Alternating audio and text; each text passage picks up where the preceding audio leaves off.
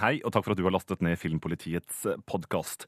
Jeg vil bare minne deg om at du kan gå inn på p3.no filmpolitiet for å se videoklipp og diskutere alle tingene vi har med i denne sendinga.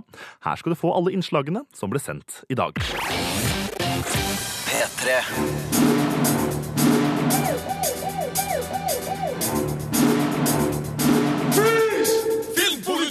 What's your name, scumbag? Eh, Rune Håkonsen, sir. I am Gunnery Sergeant Hartman, your senior drill instructor. From now on, you will speak only when spoken to. Klokka er straks fem minutter over elleve. Det er fredag, og det betyr at Filmpolitiet er på lufta her på NRK P3. Jeg heter Rune Håkonsen, og i dag skal vi sammen reise en tur til filmfestivalen i Berlin. Vi skal få høre fra Bill Murray og Wes Anderson. Vi skal få dommen over House of Cards sesong to, og vi triller terningkast på alle ukas ferske premierefilmer. Og det inkluderer Anchorman The Legend Continues. Om du ikke gidder å vente, så kan du stikke inn på p3.no filmpolitiet for å lese og diskutere det hele akkurat nå. Men straks her på lufta så triller Birger Vestmo terningkast på den nye filmen med Ron Burgundy. Jeg gleder meg. Gjør du? Lars Vaular i Filmpolitiet på NRK P3, hvor første premierefilm skal anmeldes akkurat nå. Kan du virkelig tro at det er ti år siden den første Anchorman-filmen kom på kino? Det er helt sant, altså. Nå er The Legend Continues klar på kinoer i Norge. Birger Vestmo triller terningkast. Filmpolitiet anmelder film. We've got a job in New York City. Hey, Ron, who's driving? It's okay. It's on cruise control. Det er hardt å se en film som Anchorman The Legend Continues i en kinosal med tre-fire andre filmanmeldere, hvorav samtlige, inkludert meg sjøl, forgjeves forsøker å undertrykke latteren fordi ingen tør le høyt. Det her er nemlig en film som trenger kollektiv latter. Handlinga har sine ujevnheter, og filmen føles ca. 20 minutter for lang, men Will Ferrell og co. tar amerikansk TV-journalistikk på kornet, og lattertoppene i de mest hysteriske situasjonene er himmelhøye. Toeren bryr seg ikke nevneverdig om hvordan figurenes videre liv ble antyda i slutten av eneren. Hvilket ingen bryr seg om. Året er nå 1979. Ron Burgundy, spilt av Will Ferrell, blir sparka fra en lokal TV-stasjon i New York, men blir tilbudt jobb i den nye 24-timers nyhetskanalen GNN. Han må finne sin gamle redaksjon, bestående av Brian Fantana, spilt av Paul Rudd, Champ Kind, spilt av David Cochner, og Brick Tamlin, spilt av Steve Carell, for å ta opp den interne kampen mot GNNs superstjerne Jack Lime, spilt av James Marston. News? Mens den første Anchorman-filmen etablerte persongalleriet og parodierte nyhetsankeras utseende og fremføring av nyheter, setter toeren søkelyset på dreininga mot nyheter som underholdning. Hvorfor må vi fortelle folk det de må høre? Hvorfor ikke fortelle dem det de vil høre, spør Ron Burgundy. Hans fikse ideer om hva de skal servere GNN-publikummet på det traurige nattskiftet, fører til noen hysteriske dialoger og situasjoner som blir dobbelt så morsomme når man innser at denne håpløse nyhetsdekninga faktisk er rådende strategi i Fox News-æraens USA. While some experts say silicone breast implants are dangerous, I Ikke alt er like morsomt. Noen sekvenser dras ut for langt, som Brick Tamlands famlende kjærlighetsoppvåkning og Ron Burgundys midlertidige tilbakeslag som blind. Og det kulminerende storslaget mellom rivaliserende nyhetsredaksjoner er morsommere i oppbygginga enn gjennomføringa. Anchorman The Legend Continues er nesten like morsom som forgjengeren. Pharrell, Rudd, Cochner og Carell har et godt grep rundt sine merkverdige figurer, samtidig som regissør Adam Mackay fyller opp rundt dem med andre morsomme, og noen ikke fullt så morsomme bifigurer. Hadde filmen vært klippa ned fra 1 time og 59 minutter til ca. 1 time og 40, tror jeg humoren hadde holdt jevnere nivå. Men når Anchorman nummer to er på sitt morsomste, er den fryktelig morsom. Denne filmen bør du se i en stappfull og gapskrattende kinosal. I've had four of my seven illegitimate children using this condom. But Brian, isn't that the whole point of wearing a condom? To not impregnate the woman? Well, you know the old expression. Nope. Terningkast Fire. En noe ujevn film fra Will Ferrell, men med himmelhøye lattertopper. Det er i hvert fall dommen til Birger Vestmo. Hvis du har lyst til å se klipp fra filmen, så går du inn på p3.no filmpolitiet. Der kan også du si din mening om Anchorman. The Legend Continues. Veronica Maggio her på NRK P3 i Filmpolitiet. Låta heter Hva kvar. I stad hørte du anmeldelsen av Anchorman, The Legend Continues. Nå skal vi over til den andre enden av filmskalaen. For hva hadde du gjort dersom du oppdaget at barnet ditt ikke var ditt. Den japanske filmen Som far, så sønn bruker dette som utgangspunkt i et stille og vakkert drama, som er sterkt anbefalt av Birger Vestmo. Filmpolitiet anmelder film. ケータ合格おめでとう。どうぞ Et særdeles vanskelig dilemma behandles varsomt i den vakre filmen Som far så sønn, skrevet og regissert av Hirokatsu Koreeda. Og filmen er fri for tradisjonell japansk overspill, slik det har vært gjennom hele Koredas filmografi. Denne historien kun blitt et tåredryppende melodrama i andres regi, men Koreeda trår varsomt i et emosjonelt minefelt, der eksplosjonene gir få synlige resultater, men føles langt inn i sjela. 小学校入学のための血液検査がご両親と一致しなくて。Ekteparet Ryota og Midori, spilt av Masahura Fukuyama og Machiko Ono, får sjokkbeskjeden om at seks år gamle Keita, spilt av Keita Ninomiya, ikke er deres biologiske sønn. Han ble nemlig forbytta med deres egentlige sønn på fødestua. De settes i kontakt med den andre familien og starter prosessen med å finne ut hva de skal gjøre. Skal de fortsette som før, eller bytte til sine biologiske sønner? 今後はスムーズに交換へ進めそうですか 犬や猫ならともかく。Koreeda forteller denne utrolige historien med avdempa temperament. Her er ingen rasende over situasjonen, men reagerer med resignert vantro. Det er en smart måte å fortelle historien på. Vi trenger ingen skrikende grimaser for å forstå den følelsesmessige berg-og-dal-banen det her er. Skuespillerne er overbevisende nok i de mest krevende scenene, der små forandringer i ansiktsuttrykk kan avsløre deres forvirring og rådløshet.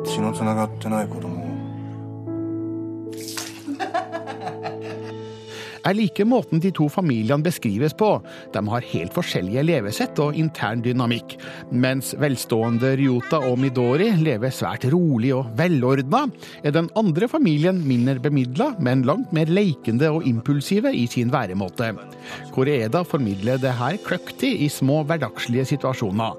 Det blir en slags kulturkollisjon som innledningsvis fører til problemer, men som på sikt kanskje kan få Ryota og Midori til å revurdere sine foreldre foreldrerolla.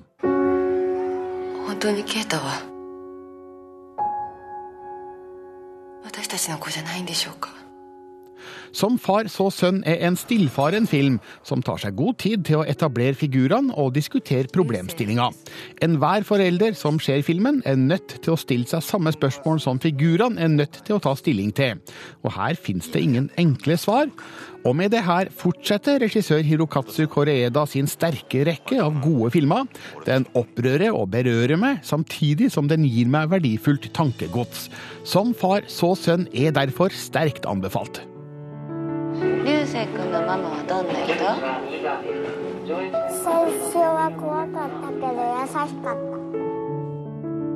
Terningkast fem. Gå inn på p3.no filmpolitiet for å lese mer om filmen Som far så sønn, sterkt anbefalt av Birger Vestmo. Der kan du også diskutere filmen om du allerede har sett den. Birger Vestmo han reiser altså til filmfestivalen i Berlin i dag. Og han skal snart innom studio for å fortelle litt om de norske filmene som vises på den prestisjetunge festivalen. Det er flere av de som kan også stikke av med en pris, annet Kraftidioten av Hans Petter Moland. Men nå en klassiker her på NRK P3, Edwin Collins, A Girl Like You. Inn i studio nå, Birger Vestmo, du skal reise til filmfestivalen i Berlin. Ja. Eh, Hva slags type festival er dette? Kan du sette den i kontekst av f.eks. Cannes-festivalen eller andre store festivaler? Ja, det regnes som en av verdens viktigste festivaler. Den er ikke like stor som Cannes, men eh, nesten. Det er litt mindre glamour i Berlin, eh, men desto mer fokus på film. Nå har jeg faktisk aldri vært på denne festivalen før, så det her blir en sånn jomfrureise for mitt vedkommende.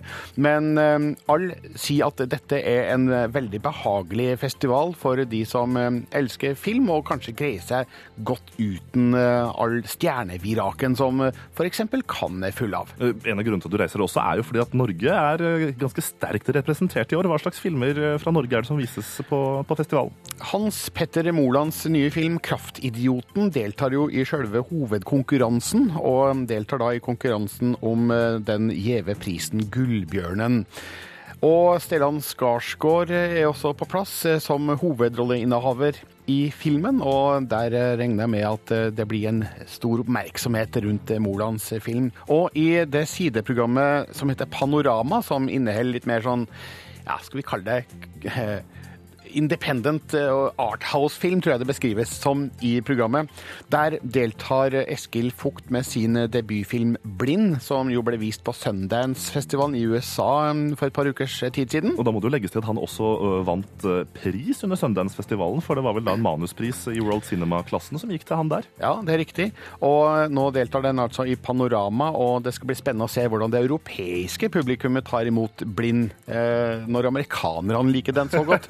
Hvor godt vil ikke europeere like den? For eh, den har jo helt klart et litt mer sånn eh, europeisk kontinentalt preg enn eh, amerikansk Hollywood-preg. En annen film som vi må nevne, er en som heter Cathedrals of Culture. For der er Margaret Olin en av bidragsyterne.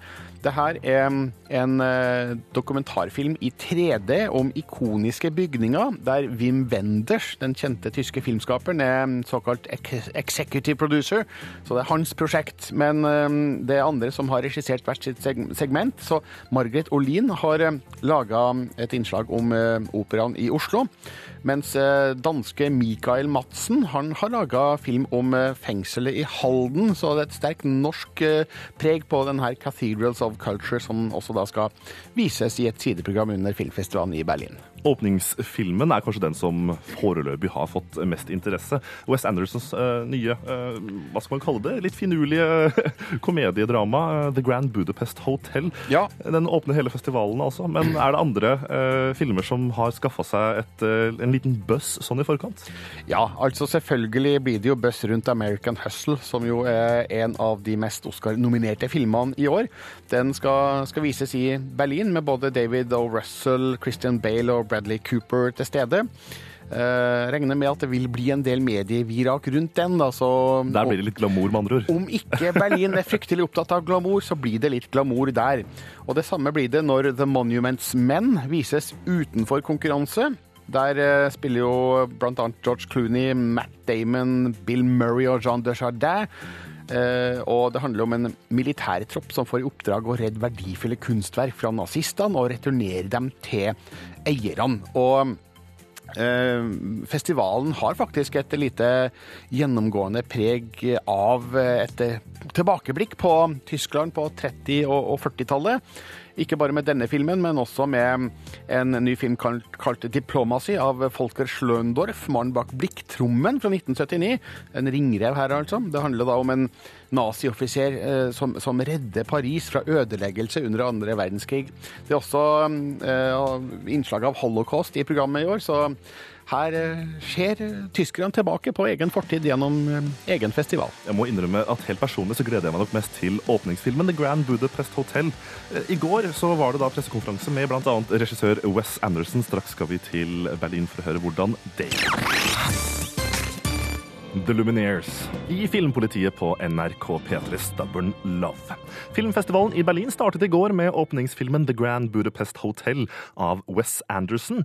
Den handler om konsiersen Gustav H., spilt av Ralph Fiennes, og vennskapet med en pikkolo på et hotell i et fiktivt europeisk land i mellomkrigstida. Wes Anderson presenterte selv filmen på en pressekonferanse i går.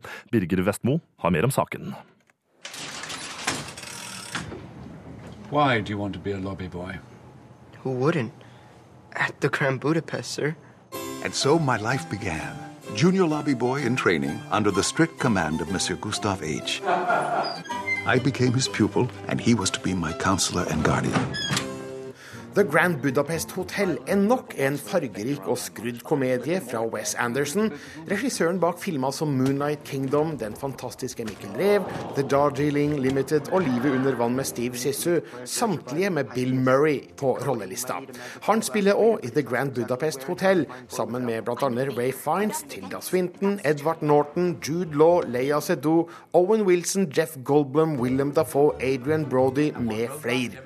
På pressekonferansen i Berlin brøt det ut en liten krangel mellom Murray og Anderson da en tysk reporter spurte hvorfor skuespillere elsker å jobbe med Wes Anderson. I'd like to answer that one if I could. we are promised very long hours and low wages.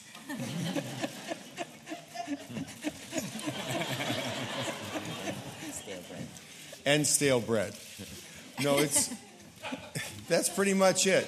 It's it's kind of the it's this crazy thing where you're asked to come and work very long hours. You lose money on the job. You lose money on the deal because you end up spending more in tips than you ever earn on the money. But you get to see the world and you get to live. We, we're, we're allowed to let Wes live this wonderful, magical life he, he has where it's this his dreamscape comes true. So if we show up, he gets to have all the fun. And that's, I guess it's because we like him that we go along with this. But you know, I will just a- a- add. Um, I, I, I I remember when we, you know, we did a movie together in in India uh, a number of years ago, and Bill, I remember. I remember. Um, and uh, and Bill actually had. I, want to say fir- he, he had one lar- large day's wor- or maybe it was scheduled as two days. We did It it, in scheduled one to be day. three days. We did it in one day. We did in one day, and then you had one other appearance in the movie, which was uh, um, maybe we shot a month later. And um, you stayed in India the whole time and just wandered around. No, no, I that's mean- not. He's, it's not true. It's not true what he's saying. I actually got to go home and was flown back again to India to shoot one more day, which took about 90 minutes. And I was forced to come to India and spend a total of about a month in India for a, a total amount of work that was maybe seven hours and 18 minutes. Yes, but I feel like you were. I, I was under the impression you were still. Well, what there. about Fantastic Mr. Fox? What I about that one? You, You want to talk about that one? pajamas. Um, Want to talk about that one? the hours the. yeah. uh, First, we worked on the farm. Yes, Then yes, I have. yes. Then I had to fly to England for like a week to do voiceovers that lasted about 20 minutes. About 20 minutes of work. I had to spend a week in England Yeah. for about 20 minutes of work, and then I had to come back again to go to Paris. Spend like five, six days in Paris, Yeah. and I had about 19 minutes of work that time too. So it adds up. It's like 40 minutes here and there, and you know, a week in Paris, a week in London, a couple weeks in New York. But it's very efficient work that we do when we're in those situations. So we just really crank oh it no, out. it's hard boiled. It's hard boiled the whole thing. Og dermed dødd krangelen ut mellom Bill Murray og Wes Anderson på pressekonferansen i Berlin. The Grand Budapest Hotel åpna altså filmfestivalen der i går. Norgespremieren er 21. mars. This is Madame D's last will and testament. To Monsieur Gustav H. I bequeath a painting known as Boy with Apple. Wow, What? Who's Gustav H? I'm afraid that's me, darling. Takk til Birger Vestmo, Wes Anderson og Bill Murray altså, på en pressekonferanse under filmfestivalen i Berlin i går. Jeg gleder meg veldig til 21. mars, da filmen The Grand Budapest Hotel har norsk kinopremiere. Om syv minutter får du dommen over den Oscar-nominerte og premiereklare filmen Familien August Osage County. Dette derimot, det er Kids of the Apocalypse. Låta heter Empire. P3. Justin Timberlake, TKO, før det Kids of the Apocalypse og låta Empire. Her i Filmpolitiet på NRK P3. Vi skal nå til en av ukas eh, premierefilmer, Familien August Osage County. Birger Vestmo skal felle dom. Filmpolitiet anmelder film. You ready for this? No. No way. Jeg ser jo at Meryl Streep storspiller, at Julia Roberts gjør en av sine vanskeligste roller, og at de støttes av et svært sterkt ensemble. Men jeg blir nesten litt sint av å se kvalitetsskuespillere bli skusla bort av en historie der banaliteter forkles som rått drama. Figurer skaper konflikter ut av det blå, og familiehemmeligheter velter frem som cliffhangere i en såpeserie. Familien August Osage County har absolutt kvaliteter, men ligner i perioder en middels kioskroman. Slikt bruker man ikke Meryl Streep til. Damn your father for putting me through this. De tre søstrene Weston, spilt av Julia Roberts, Juliette Lewis og Julianne Nicholson, drar med sine kjærester til barndomshjemmet i Osage County i Oklahoma når far, spilt av Sam Shepherd, forsvinner. Tilbake sitt mor, spilt av Meryl Streep, en kreftsyk pillemisbruker med lite kjærlighet til overs. Og med hele den nærmeste slekta i huset og brennhett augustvær utafor, begynner temperaturen å øke etter hvert som den skjøre familiedynamikken gradvis bryter sammen. Be a father. Help me. Our kid is trying to deal with this madhouse you dragged her into. This madhouse is my home. Yeah, think about that statement for a second.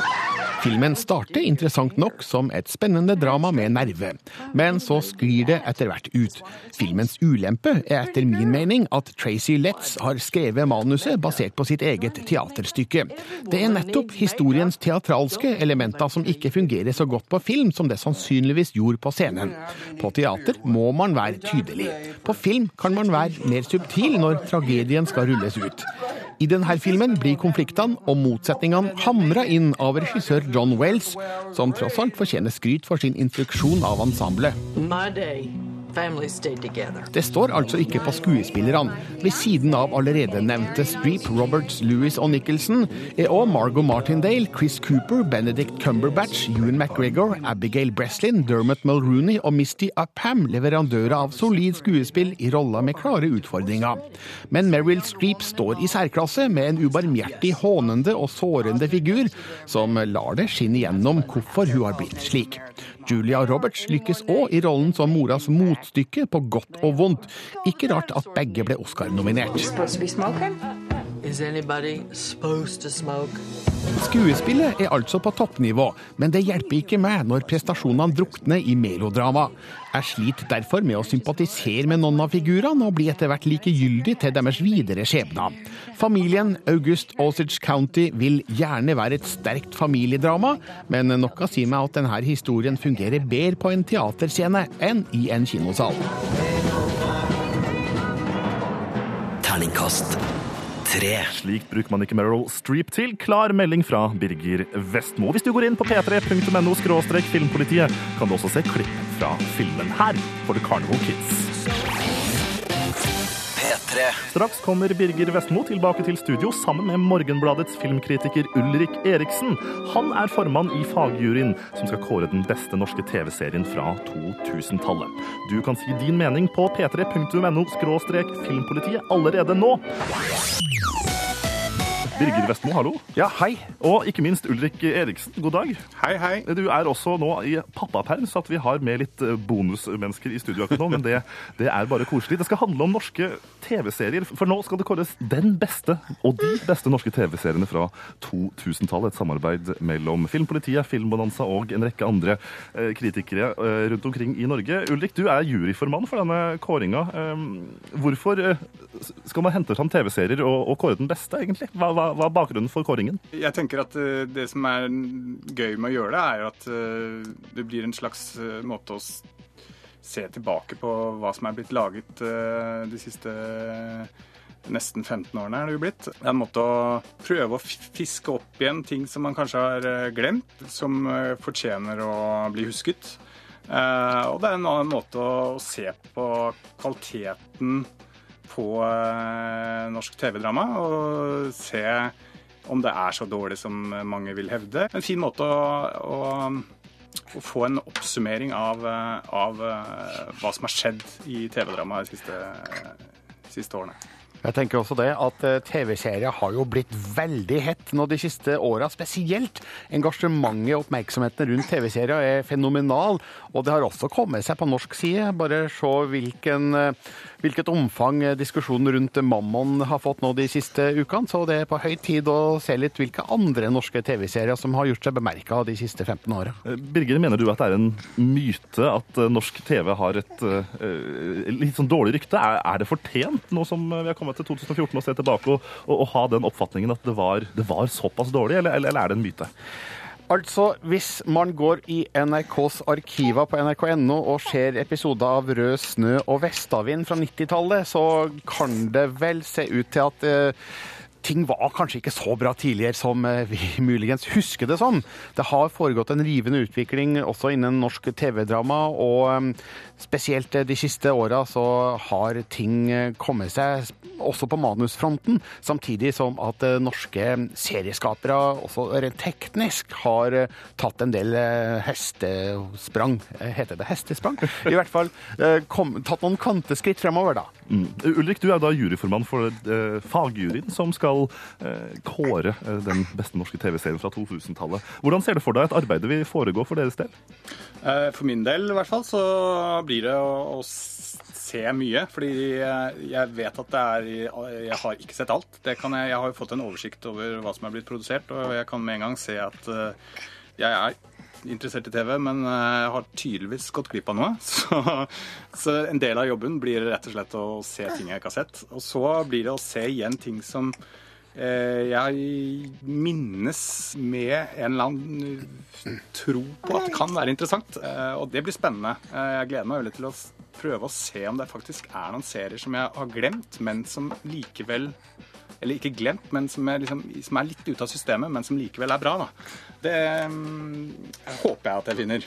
Er det sånn at det er litt lettere å, å, å la TV-serier gå i glemmeboka? Jeg tror at TV er eh, i hvert fall, Jeg er mest vant til å jobbe med å, skrive om film og, og vurdere film. Og, jeg tenker nok at film er et litt mer et medium som, som på en måte lever litt lenger.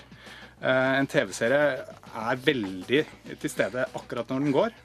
Eh, og så forsvinner den litt ut av både sinn og fjernsyn når den har gått. Eh, så sånn sett så er den litt mer en ferskvare kanskje enn en film, ja. Birger Vestmo, tror du det kommer noen overraskelser ut fra høyre felt som du helt har eh, glemt av i denne kåringa? Ja, helt sikkert. Det er veldig mange serier her som jeg ser på arket og kjenner igjen tittelen på, men kanskje ikke husker så mye innholdet i.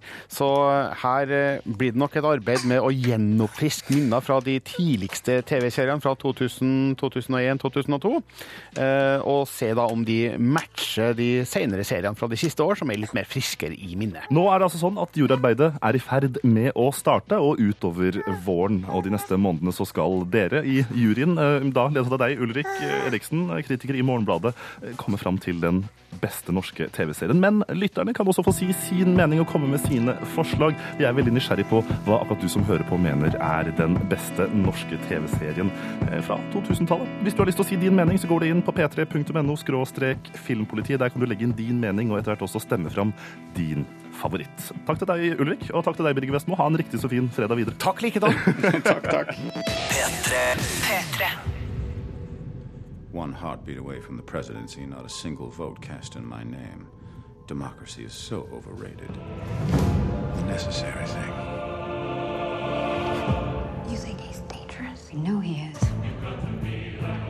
I need to know that I wasn't a part of someone's Finish your thought.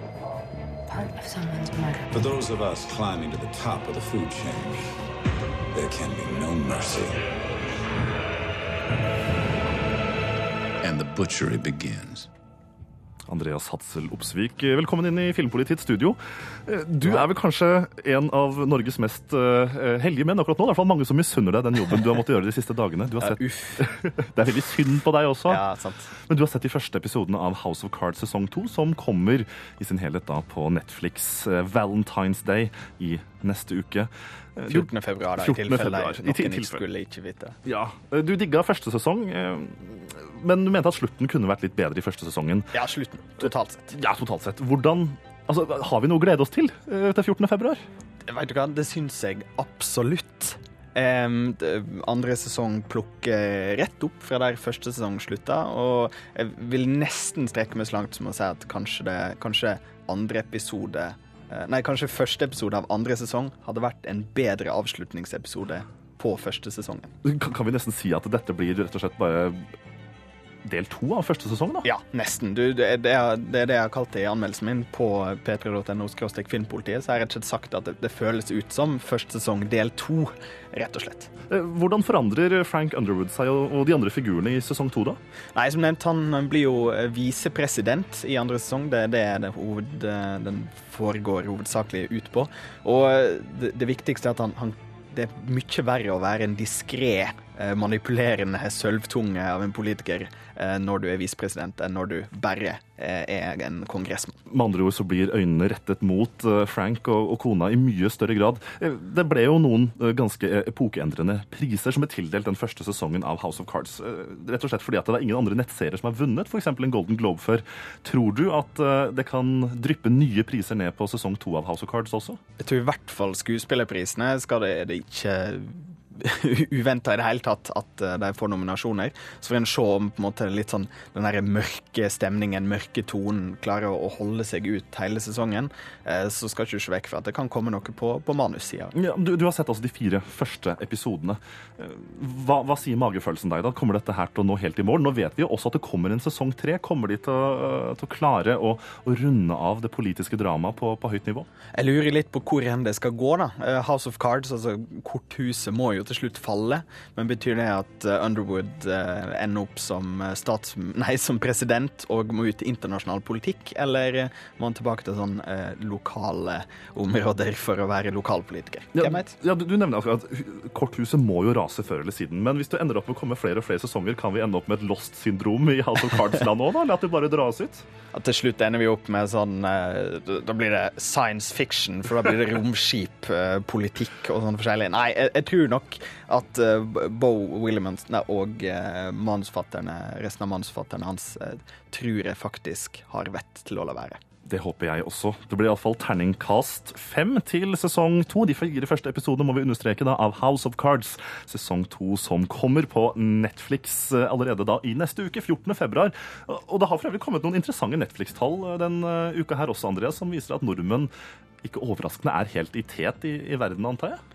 Ja, at 20 av nordmenn eh, er på Netflix. Eh, Det er i hvert fall et, et enormt god begynnelse, da, må en vel si, for strømmetjenester generelt, men da spesielt for Netflix. NRK og TV 2 alle de andre norske TV-kanalene bør med andre ord skjelve litt i buksene. House of Cards sesong 2. Anmeldelsen ligger på p3.no skråstrek filmpolitiet. Der kan du gå inn og se klipp fra eh, sesong 2. Du kan også si din mening. Filmpolitiet anmelder film.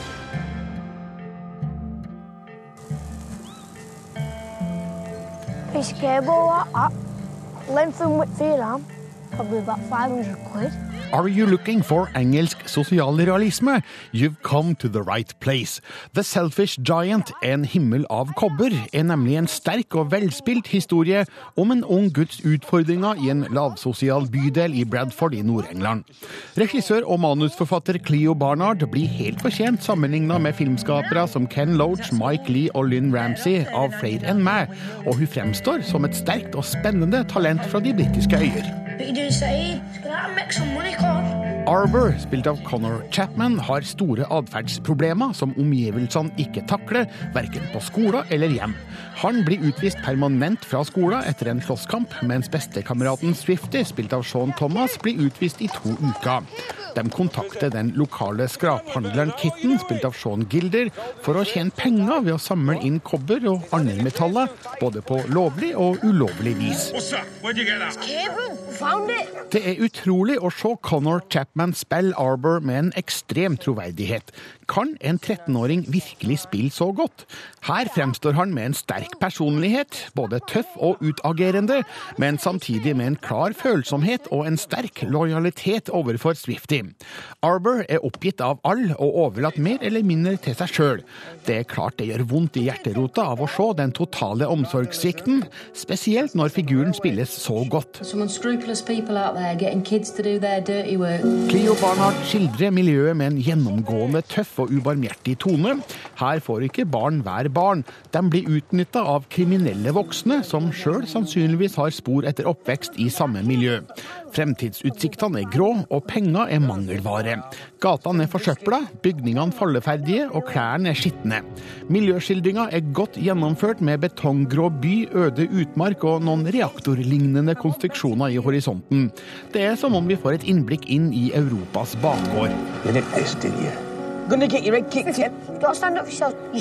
Filmen heter altså The Selfish Giant, en himmel av kobber. Det er ikke helt klart for meg hvem Selfish Giant-delen av tittelen henspeiler på, lille Arbor eller store Swifty. Arbor fremstår som den sterkeste med sitt temperament, mens Swifty er mer inneslutta, men kan ha en indre styrke som vi etter hvert får se mer av. Cleo Barnard har skrevet og regissert en historie som sitter i kroppen lenge etter rulleteksten. Det er bevegende å se barneskjebner som det her. Terningkast fem. Et sterkt innblikk i en ung guds vanskeligstilte liv i Nord-England. Gå inn på p3.no filmpolitiet for å se klipp, lese mer og ikke minst diskutere filmen The Selfish Giant, en himmel av kobber. Gutta bak filmen Superbad, Seth Rogan og Evan Goldberg, er hyret inn av TV-kanalen AMC for å skrive en pilotepisode for en ny TV-serie basert på kulttegneserien Preacher. AMC er i dag mest kjent for å stå bak seriene Breaking Bad og The Walking Dead. Vi kan jo håpe at om de velger å satse på Preacher, så har de en ny kultserie i hendene. Rogan og Goldberg har i tillegg til Superbad skrevet filmen This Is The End, som gikk på norske kinoer i desember i fjor. I en pressemelding så sier gutta at de har forsøkt å få Preacher-prosjektet av bakken i hele sju år. Du kan lese mer om saken på p3.no filmpolitiet. Filmpolitiet på P3. Denne uka er det en rekke filmer som også kommer ut på Blu-ray og DVD. En av de er filmen om Diana med Naomi Watts i hovedrollen. Den fikk ganske heftig medfart og dårlig kritikk i engelske medier. Birger Vestmo er litt snillere, men det her er ikke en toppkarakter. Filmpolitiet anmelder film. You're the most famous woman in the world. Use your power. I'm only trying to highlight a problem that's going on all around the world. Prinsesse Dianas siste år skildres altfor forsiktig av Oliver Hirschbiegel, en regissør som vanligvis trår harer til. Naomi Watts gjør en ganske troverdig figur som den Diana vi kjenner gjennom media, og filmen gjenskaper flere kjente situasjoner fra hennes siste tid. Men jeg føler meg ikke riktig klokere på hun. Filmen handler om hennes hjerte og smerte, men historien fortelles uten de store følelsene. You're so good at Filmen starter med noen skumle forvarsler i Paris i 1997, men spoler så to år tilbake i tid. Diana er separert fra prins Charles, distansert av Buckingham Palace og har liten kontakt med sine barn. Hun forsøker å finne ut hva hennes plass skal være, samtidig som hun møter hjertekirurgen Hasnat Khan, spilt av Naveen Andrews. Det innledes et hemmelig forhold, men Hasnat er usikker på om han er beredt til å ofre det det vil koste å være kjæresten til verdens mest berømte kvinne. I am a Det var riktignok Dodi Fayed som døde sammen med Diana i bilulykken i Paris, som for øvrig ikke skildres her, men filmen argumenterer med at Hasnat Khan var Dianas store kjærlighet. I sine beste scener ser vi hvordan Dianas kringvern faller i møte med en person som ser hun, ikke publikums bilde av hun. Men når tvilen kommer til overflata, reduseres begge til bjeffende figurer i en ukebladnovelle. Og når hele forholdet til Dodi Fayed skildres som et slags hevnangrep retta mot Khan, ser filmen ut som en billig kioskroman. So what are? Naomi Watts gjør altså en figur det i perioder går an å tro på, med innstudert kroppsspråk, mimikk og talemåte. Men det kan virke som om respekten for tittelfiguren er så stor at hun ikke helt tør tre ut av publikums oppfatning av hvordan hun kanskje var privat. Den offentlige stive tilbakeholdenheten, den kongelige verdigheten, er òg til stede bak lukkede dører. Kanskje var det slik hun faktisk var, men det gjør at jeg som publikummer ikke føler jeg kommer bak fasaden. Diana forblir en flyktig skikkelse, basert på det jeg har plukka opp i sladrepressen. Filmen om Diana gir et ufullstendig bilde av hvem hun var og hvordan hennes siste år forløp. Tekstplakater før rulleteksten påpeker hennes arbeid for å bekjempe utbredelsen av landminer, men det er et villspor i filmen. Kjernen er hennes kjærlighetsforhold. Dessverre har ikke det her nok dramatikk i seg til å være interessant for andre enn de mest innbitte anglofile. Terningkast 3. Les mer om film, spill og serier på p3.no Filmpolitiet. Filmpolitiet hver fredag fra 11 til 1 på P3. Klokka nærmer seg ett, og Kristine står straks klar til å ta deg videre inn i denne deilige fredagen. Tidligere i dagens sending så hørte du fra filmfestivalen i Berlin, hvor regissør Wes Anderson og Bill Murray i går avholdt en pressekonferanse i forbindelse med visningen av The Grand Budapest Hotel. Birger Vestmo har reist til den tyske filmfestivalen for å følge de norske filmene som skal vises, men forteller i en liten tekstmelding til meg nå at ryktet går om at Bill Murray rett og slett har forsvunnet fra sine avtalte intervjuer med internasjonale journalister. Rett og slett stukket av. Murray er jo kjent for å gå sin egen vei, og denne gangen så gadd han kanskje ikke mer stress og presse. Ja ja. The Grand Budapest Hotel har norsk kinopremiere 21. mars i år. P3. Du har hørt Store P i Filmpolitiet på NRK P3. Og Store P er en av gjestene i Kristine i dag, så bare følg med videre utover denne herlige P3-fredagen.